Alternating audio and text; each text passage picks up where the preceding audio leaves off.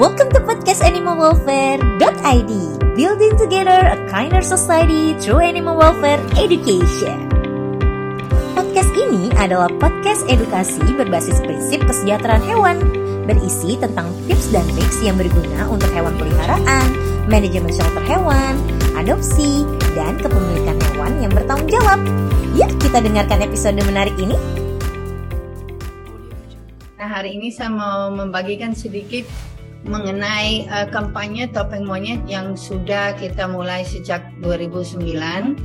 Uh, saya akan bagikan film pendek aja yang mempresentasikan apa yang kita lakukan selama ini untuk membantu khususnya makaka fascicularis karena statusnya sampai saat ini di Indonesia belum dilindungi yang sangat-sangat disayangkan karena eksploitasi jenis satwa ini sangat luar biasa.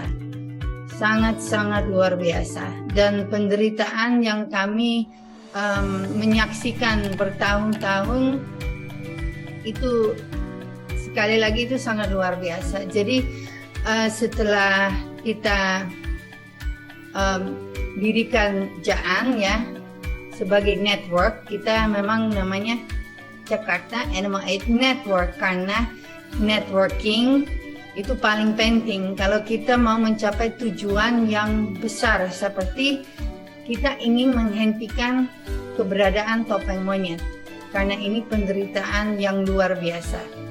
Nah, setelah itu kita mulai berkampanye tahun 2009 terus tahun 2014 baru ada tangkapan yang sangat positif ya dari uh, pihak uh, pemerintah Pemda DKI khususnya.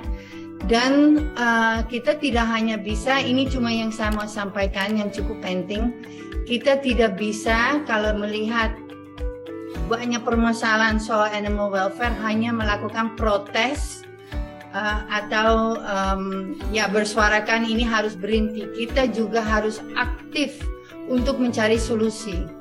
Jadi pada saat itu kami uh, melakukan banyak protes, lobby untuk menghentikan keberadaan topeng monyet. Dan pada 2014 sudah ada larangan. Terus kita uh, bersinergi dengan pemerintah untuk melakukan uh, rescue, rehabilitasi dan ada juga beberapa individu yang bisa kembali ke alam. Dan itu proses yang cukup berumit dan saya hari ini hanya membagikan film pendek ini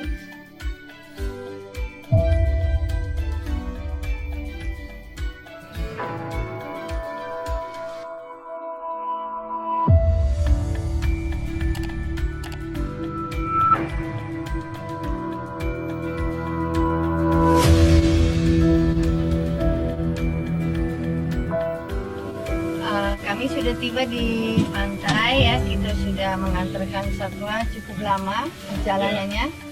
Perjalanan dari tempat rehab kita di daerah Lembak. Eh, perjalanan ke sini cukup lumayan berjam-jam, tapi eh, SOP kita per dua jam kita harus cek, kita kasih makan, kasih minum, biar satwa ini tetap staminanya ada sampai tujuan dan siap untuk dirilis. Jadi satwanya ini sudah mengikuti proses rehabilitasi yang lama juga, ada yang sampai hampir dua tahun.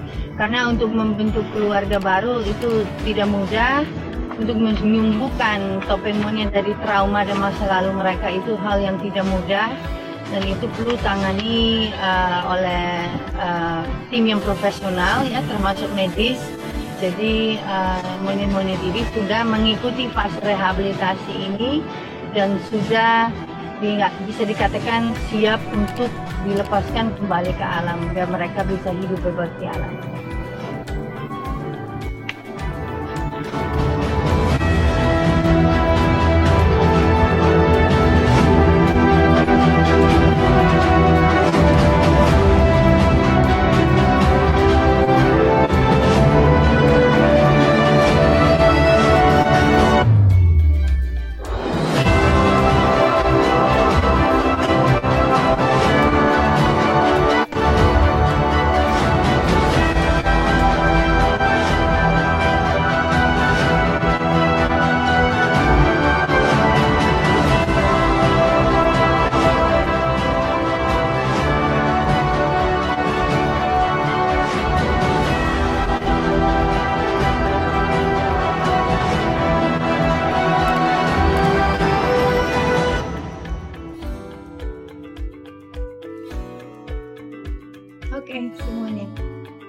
Kita agak modif sedikit ya. Jadi uh, kita akan mulai diskusi khusus untuk presentasinya Ibu VMK. Jadi bisa dimulai. Oke, okay, dari lokasi ada satu. Boleh panitia di belakang? Boleh disampaikan namanya dan dari mana?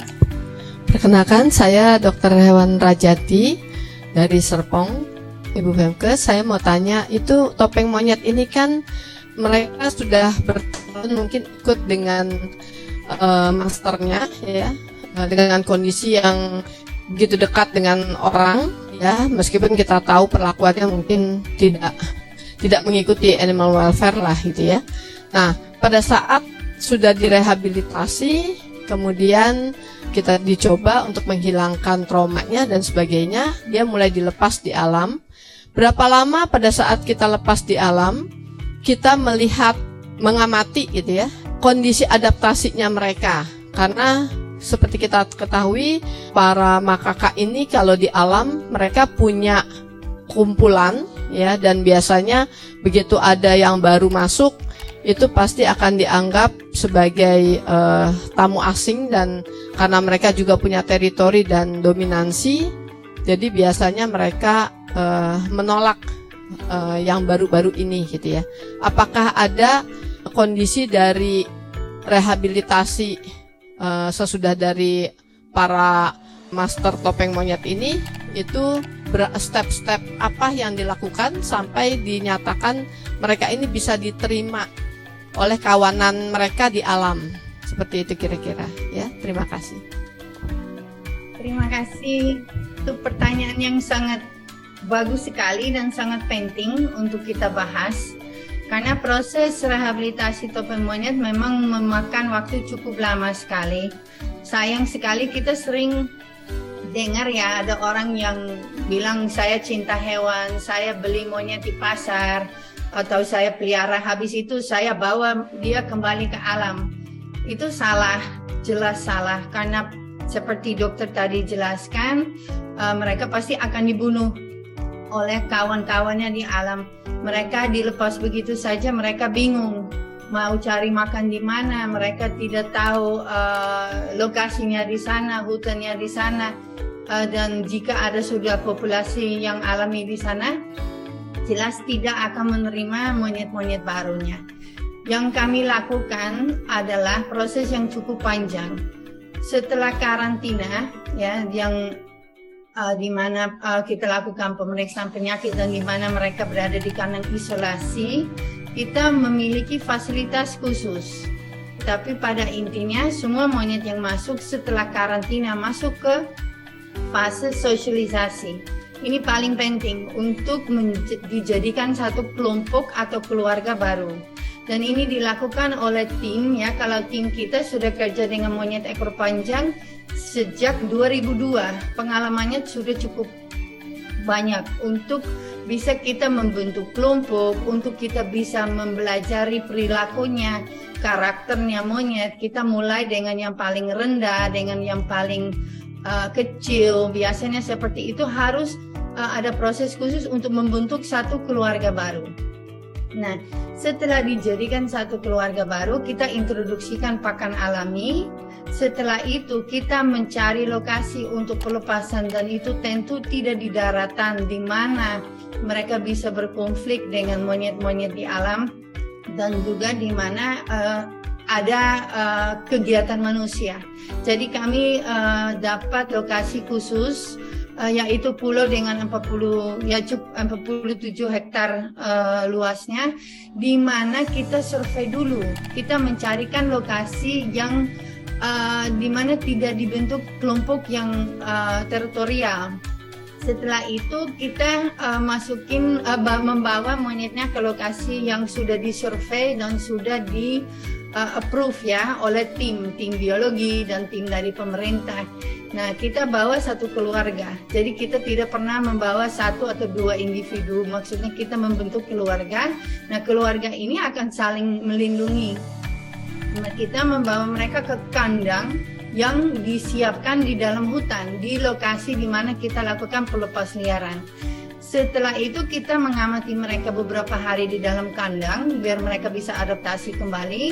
Setelah itu kita lepaskan mereka dan kita masih melakukan monitoring post release yaitu monitoring setelah pelepasan. Tim akan standby di hutan rata-rata dua minggu sampai satu bulan tergantung cuacanya dan keadaannya. Tapi selalu minimal dua minggu untuk memastikan semua monyet setelah pelepasan tetap di dalam kelompok tidak terpisah dan bisa mencari makan alami. Baru kita bilang bisa bilang ini cukup aman untuk ditinggal. Dan yang saya mau sampaikan juga dari semua monyet yang kita rescue ya itu ada dari pemilik pribadi, itu ada dari topeng monyet. Uh, juga kita rescue banyak satwa liar lainnya seperti uh, owa atau orang hutan pun tetapi yang saya lihat dan semua tim yang yang melakukan rescue topeng monyet bisa uh, apa ya, ya pasti setuju topeng monyet punya trauma yang paling besar. Luar biasa. Kekejaman yang terjadi dengan mereka itu itu luar biasa. Dan mereka benci manusia. Beda dengan yang pet. Kalau yang pet itu kebanyakan masih masih biasa dengan orang dikasih makan tiap hari dengan cara yang mungkin lebih baik tapi yang kita lihat dengan topeng monyet mereka jadi benci manusia senang sekali ketemu kawannya dan senang untuk dibentuk kelompok baru. Jadi prosesnya ini sangat membantu mereka dari sisi mental dan juga uh, fisiknya ya. Ya, kira-kira begitu.